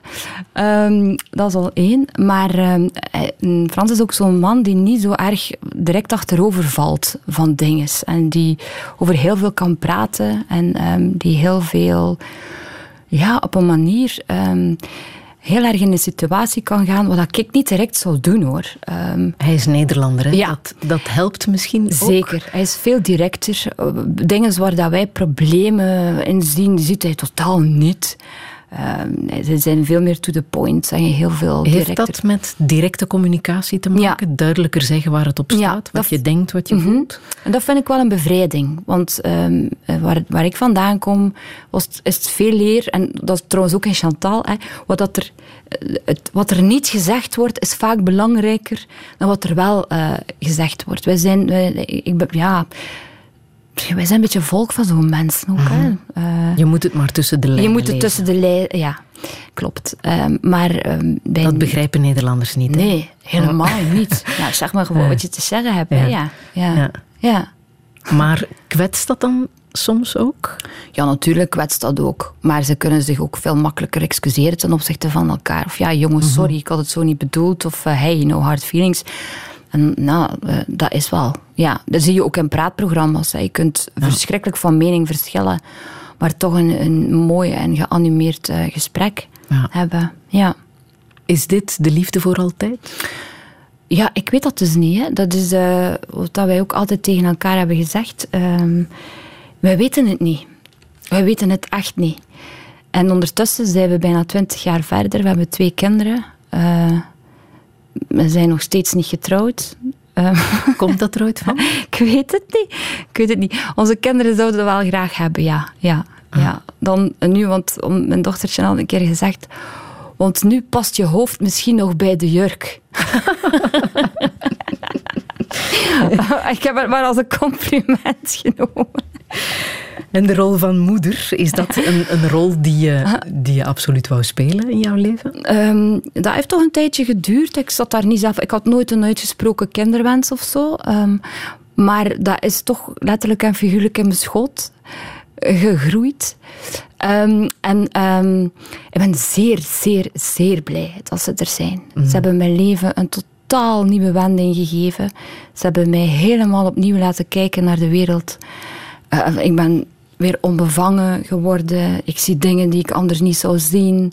Eh, ze laten mij nadenken. Ze geven mij ook onder mijn voeten. Vaak terecht. Soms ook niet terecht. Maar toch, het was niet makkelijk, hè? De zwangerschap. Nee. eerste al zeker niet. Nee, nee, ik heb eh, ja, eh, toch wel een behoorlijke complicaties gehad eh, bij de geboorte van mijn eerste dochter. Ja. Wat dacht je toen? Hadden ze dit maar gezegd tegen mij? Ja. ja, ja, want ik ben met de slappe lach binnengegaan, maar ik ben niet blijven lachen. Dat er is een soort walhalla of pain opgegaan waarvan ik het bestaan niet, niet kende. Maar ehm, ja, vooral dat de medische wetenschap hier zo, zo goed is hè, en dat wij zo'n goede dokters hebben in een, in een normale kliniek hè, die, die mij hebben geholpen. Want ja, ik had, eh, mijn baarmoeder was eh, vergroeid met mijn eh, placenta. Dus dan komt de nageboorte niet. Dan kun je eigenlijk, om het kort te zeggen, kun je, kun je doodbloeden. Hè. Dus dan hebben ze, de, hebben ze een zware operatie moeten uitvoeren. En eh, toen ik daar weer uit bij kwam, ehm, zei de gynaecoloog, ja, je hebt, geluk gehad. Eh, ehm, ja, in Afrika zou, de, ja, zou je dat niet hebben overleefd. Wat mij dan ja, direct ja, heeft... Ik dacht fuck, amai, ja, dan moet ik iets doen. Dan, eh, voor die moeders daar. Wauw. Ja? wauw. Ja, ja, want dat, was, dat is een, een geboorte dat is toch wel een, een enorme, intense belevenis. En op het moment dat zo'n kindje er is, dan denk je, wow, zo, zo heftig dat je denkt, waarom is er eigenlijk oorlog in de wereld? Want allee, als, je, als je op dat moment valt alles samen. Dat is zo overweldigend. Ehm, en en, en dat, dat er vrouwen zijn die dat niet kunnen meemaken of die, die sterven. Hè. Het is ook nog niet zo lang geleden trouwens bij ons hè, dat de moedersterfte eh, uitgeroeid is. Nog niet helemaal, maar toch bijna. Ja, en toen ben ik, ben ik meegegaan met broeder Delen naar Afrika en heb ik daar gezien eh, effectief dat vrouwen bevallen op een pingpongtafel en dat ze geluk hebben als er één een afvalgan is. Ja, dat is wel heftig. Hoe oud zijn jouw dochters nu? Eh, 10 en 12. Ja. Nog een paar jaar en dat zijn volwassen vrouwen. Ja. ja, dat is. En dat zouden ze nu ook graag al wel zijn. Ja? Ja, is merk je dat? Ja, ik zie dat aan de manier. Ze, ze zijn heel... eh, En dan zeg ik, oh, there's the attitude. En dan zeggen ze weer, mama, niet beginnen over Beyoncé. maar het is wel heel leuk om ze te zien opgroeien. En, eh, Wat wil je ze absoluut meegeven? Waar wil je ze voor behoeden? ja, ik wil ze absoluut meegeven vrijheid van, van spreken. Omdat ehm, dan, ja, dat is iets wat ik ken, dat heeft mij zo belemmerd. Ik dacht dat ik, dat ik er een flap uit was, dat ik alles wat ik voelde onder woorden kon brengen, maar dat, dat was blijkbaar toch niet zo. En ik denk dat dat wel belangrijk is, dat dat een grote vorm van, van vrijheid is. Dat je kunt verwoorden wat dat er u bezielt, wat er u raakt, wat dat er u, wat, wat dat er u tegengaat. Hè. Ehm, en dat dat in het onderwijs wel wat meer ook nog zou mogen naar, naar voren komen, vind ik. Dat eh, kinderen elke dag zouden even iets zouden moeten kunnen vertellen wat dat hen bezighoudt. Ja, ja. Geef je hen nu ook al mee dat het leven niet één grote roze wolk is? Ja, ja, en dat hebben ze ook gezien. Hè. Ze hebben een moeder gezien de laatste jaren die, die ook heel veel... Ja, die, die, die heeft gehuild en eh, die het niet meer wist. ehm, maar ook... En ik heb dat ook niet, niet weggestoken of zo. Dus ehm, zij kennen dat wel, maar ze zijn, ja, ze zijn eh, wonderbaarlijk. Hè. Hoe leg je dat dan uit? Niet, heel moeilijk. Ik eh, zeg ook, ik vind dat ik er ben om hen te troosten en zij niet om mij. Hè. Zij moeten een verdriet leggen bij mij en ik niet bij hen. Daar dienen moeders niet voor. Ik moet hen helpen. Hè. Ik, ik ben daar voor hen. Het is wel lief dat ze hè, een zoontje komen geven of een, of een handje rond je schouder leggen. Ja, natuurlijk wel. Maar eh, te gepaste tijden, als ze groter zijn en ehm, of dat ik meer kan vertellen over zwart en wit en grijs, ja, dan gaat, en, en dan nemen ze ook aan hoor, daar zijn ze, daar zijn ze helemaal tevreden mee. Ja. Heb jij psychologische hulp eh, Zeker. en gekregen? Zeker. Jaren. Ja, ja, ja. ja. Op welke manier heeft dat geholpen? Ehm, het, het heeft ge- geholpen om natuurlijk de- te kunnen verwoorden wat er met mij aan de hand was. Ehm, dat is zeker, want er was wel iets waarvan ik dacht, wat is dat toch met mij? hè? Ik, begon altijd maar meer en meer naar mezelf te kijken vanuit een perspectief van buiten. Waarin, dat je jezelf ziet, ja, dat heeft dan een naam, dissociatie. Hè, dat je niet meer, dat je begint te kijken, wa- waarin dat je dan ook geen emoties meer toelaat. Of waarin dat je ja, probeert af te sluiten wat dat er u nog zou kunnen raken. Ja, natuurlijk, in mijn beroep. Vreselijk. Wat heb je dan nodig? Dus ik dacht, ja, maar hier moet ik wel mee aan de slag. Want straks kan ik, eh, kan ik niet meer spelen. En eh, ja, dat was niks te vroeg, zo bleek. Ja. Ja. Mhm. Volg je dat nu nog? Is dat iets dat je misschien voor de rest van je leven wel Ja, ik zal denk dat wel. onderhouden? Ja, ik moet dat voor de rest van mijn leven. Ik ben nu al veel te lang niet meer geweest. Maar ik, heb me helemaal nu eh, zo kapot gewerkt. Maar dat is ook een vorm van het feit dat ik werk, dat ik mij heb geamuseerd. Dat er veel mensen waren waar dat ik echt een hele goede band mee heb en zo. Dat helpt ook wel hoor. Dat, dat, dat helpt je vooruit. Ja.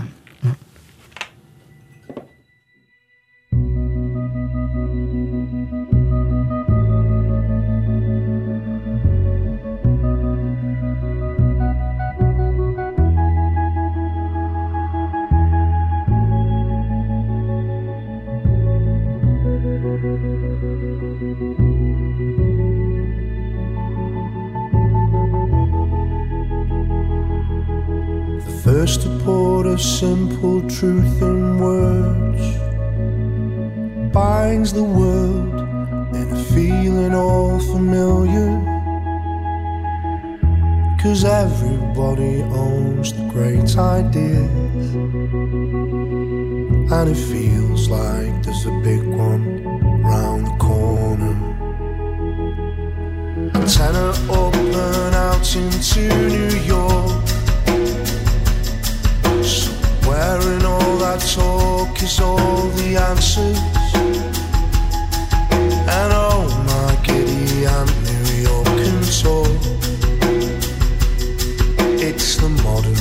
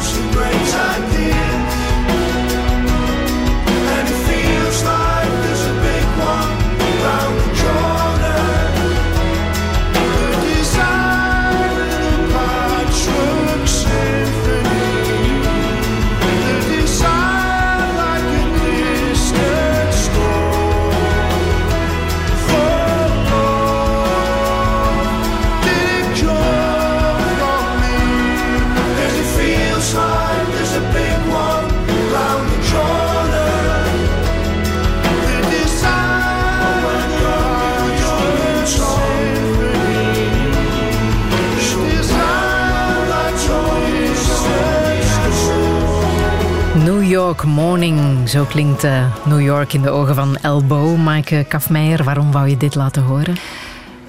Ja, omdat New York een enorme aantrekkingskracht op mij uitoefent en ik ben daar nog maar één keer geweest. En eigenlijk zou ik daar elk jaar opnieuw naartoe willen gaan.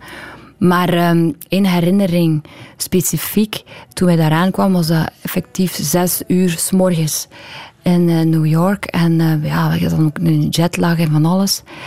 En eh, toen hebben wij enorm veel foto's genomen van het ontwakende New York. En je wordt dan meteen meegezogen in dat ritme van die stad. En die stad is zo alles overweldigend. Je hebt ja, het gevoel dat alles mogelijk is, maar dat je ook totaal aan de afgrond kunt geraken.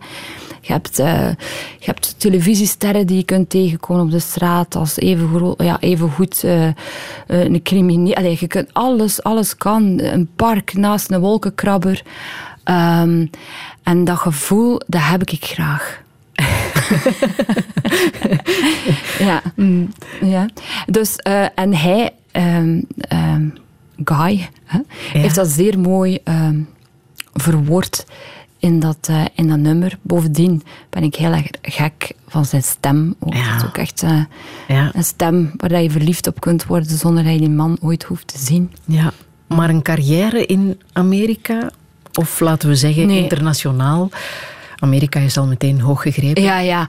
ja nee, eh, ik denk dat dat nu beter mogelijk is, hè, omdat, omdat eh, met Netflix en zo, eh, dat er, er wordt gewoon breder gekeken dan het eigen land. En dat is, dat is wel goed dat dat eindelijk zo is.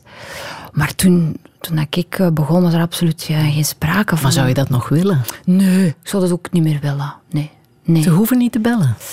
Maar ze mogen altijd bellen. De kans is klein, Friedel. De kans is klein. Ook, je moet een beetje zien, hè, als vrouw van 50 jaar eh ga je in Amerika niet meer echt aan de bak raken. Hè. Maaike, dat mag je niet zeggen. Hè? Ja, maar toch, eh, het is zo. Maar dat is niet erg. Hè. Het is al moeilijk genoeg voor die vrouwen daar. Laat staan dat er nog geen uit West-Vlaanderen. Maar toch, wat Ja. zou, je, wat zou Ja. je echt, echt, echt nog graag willen in je leven? Oh, echt willen. Ik denk, wat, wat veel mensen willen, echt rust vinden. Hè? Op een bepaalde manier. Die grote onrust eh, die altijd in mijn lijf zit. ehm, eh, ja, gewoon gaan slapen en niet meer denken. Wat? allemaal, ja, dat zou ik wel leuk vinden. Waar vind je dat nu?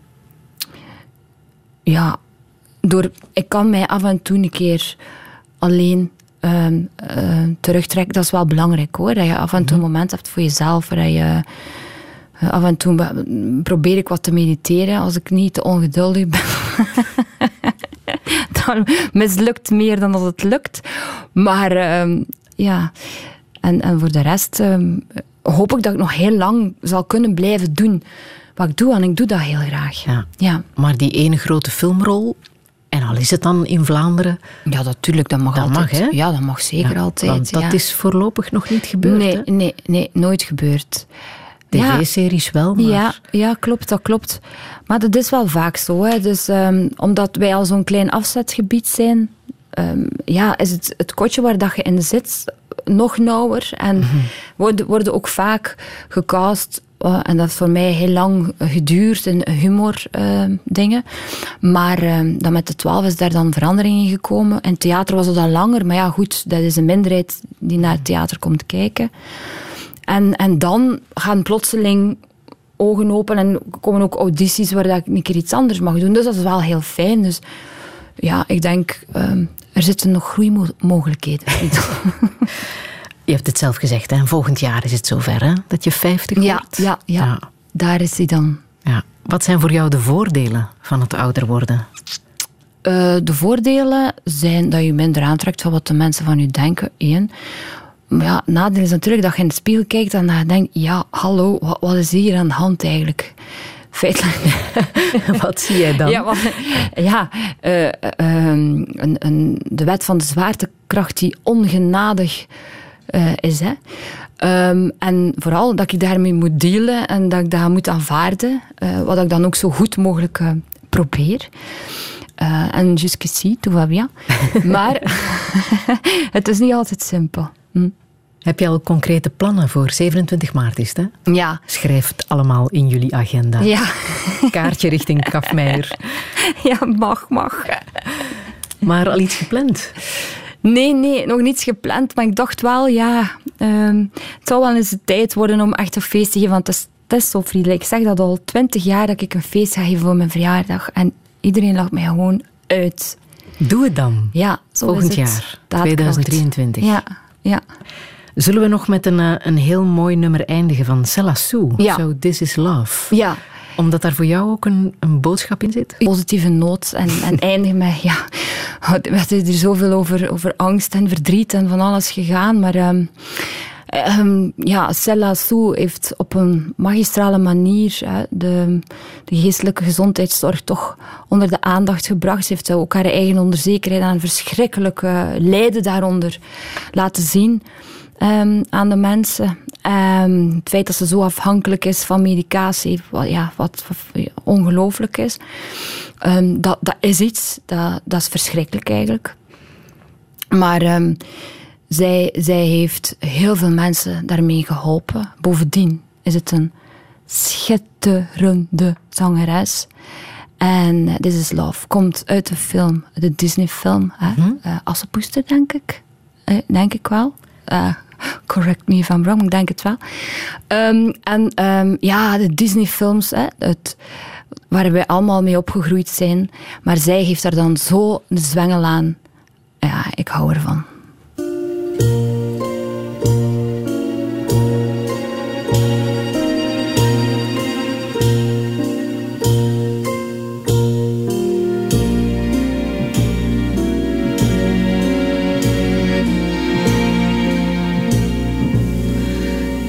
This is love. Mm, so this is love. So this is what makes life divine.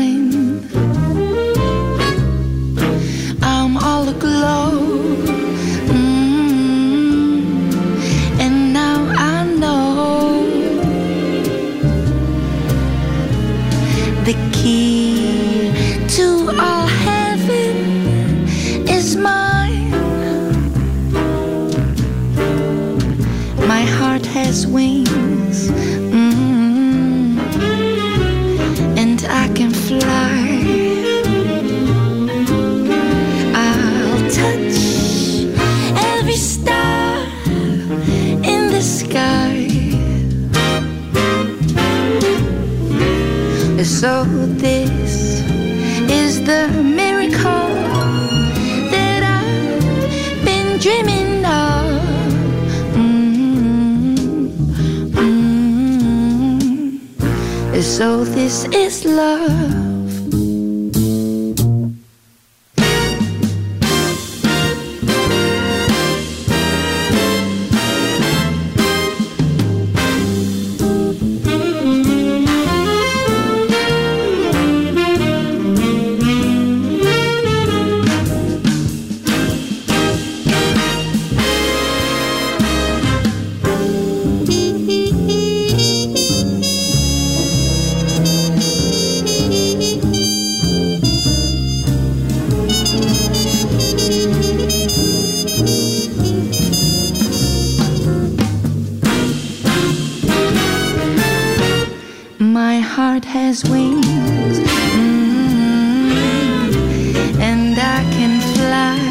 Sue met de echte essentie van het leven. En So This Is Love. Ik wil jou bedanken, Maaike Kafmeijer, voor het heel bijzondere gesprek hier in Touché. Alle info over de dingen die hier ter sprake kwamen kan je terugvinden via onze website radio1.be. En de Touché-gesprekken die vind je allemaal terug in VRT Max. Volgende week ontvang ik hier Fien Germijns. Fijne zondag nog. Heb je iets gemist? Je kan Touché herbeluisteren in de app van VRT Nu.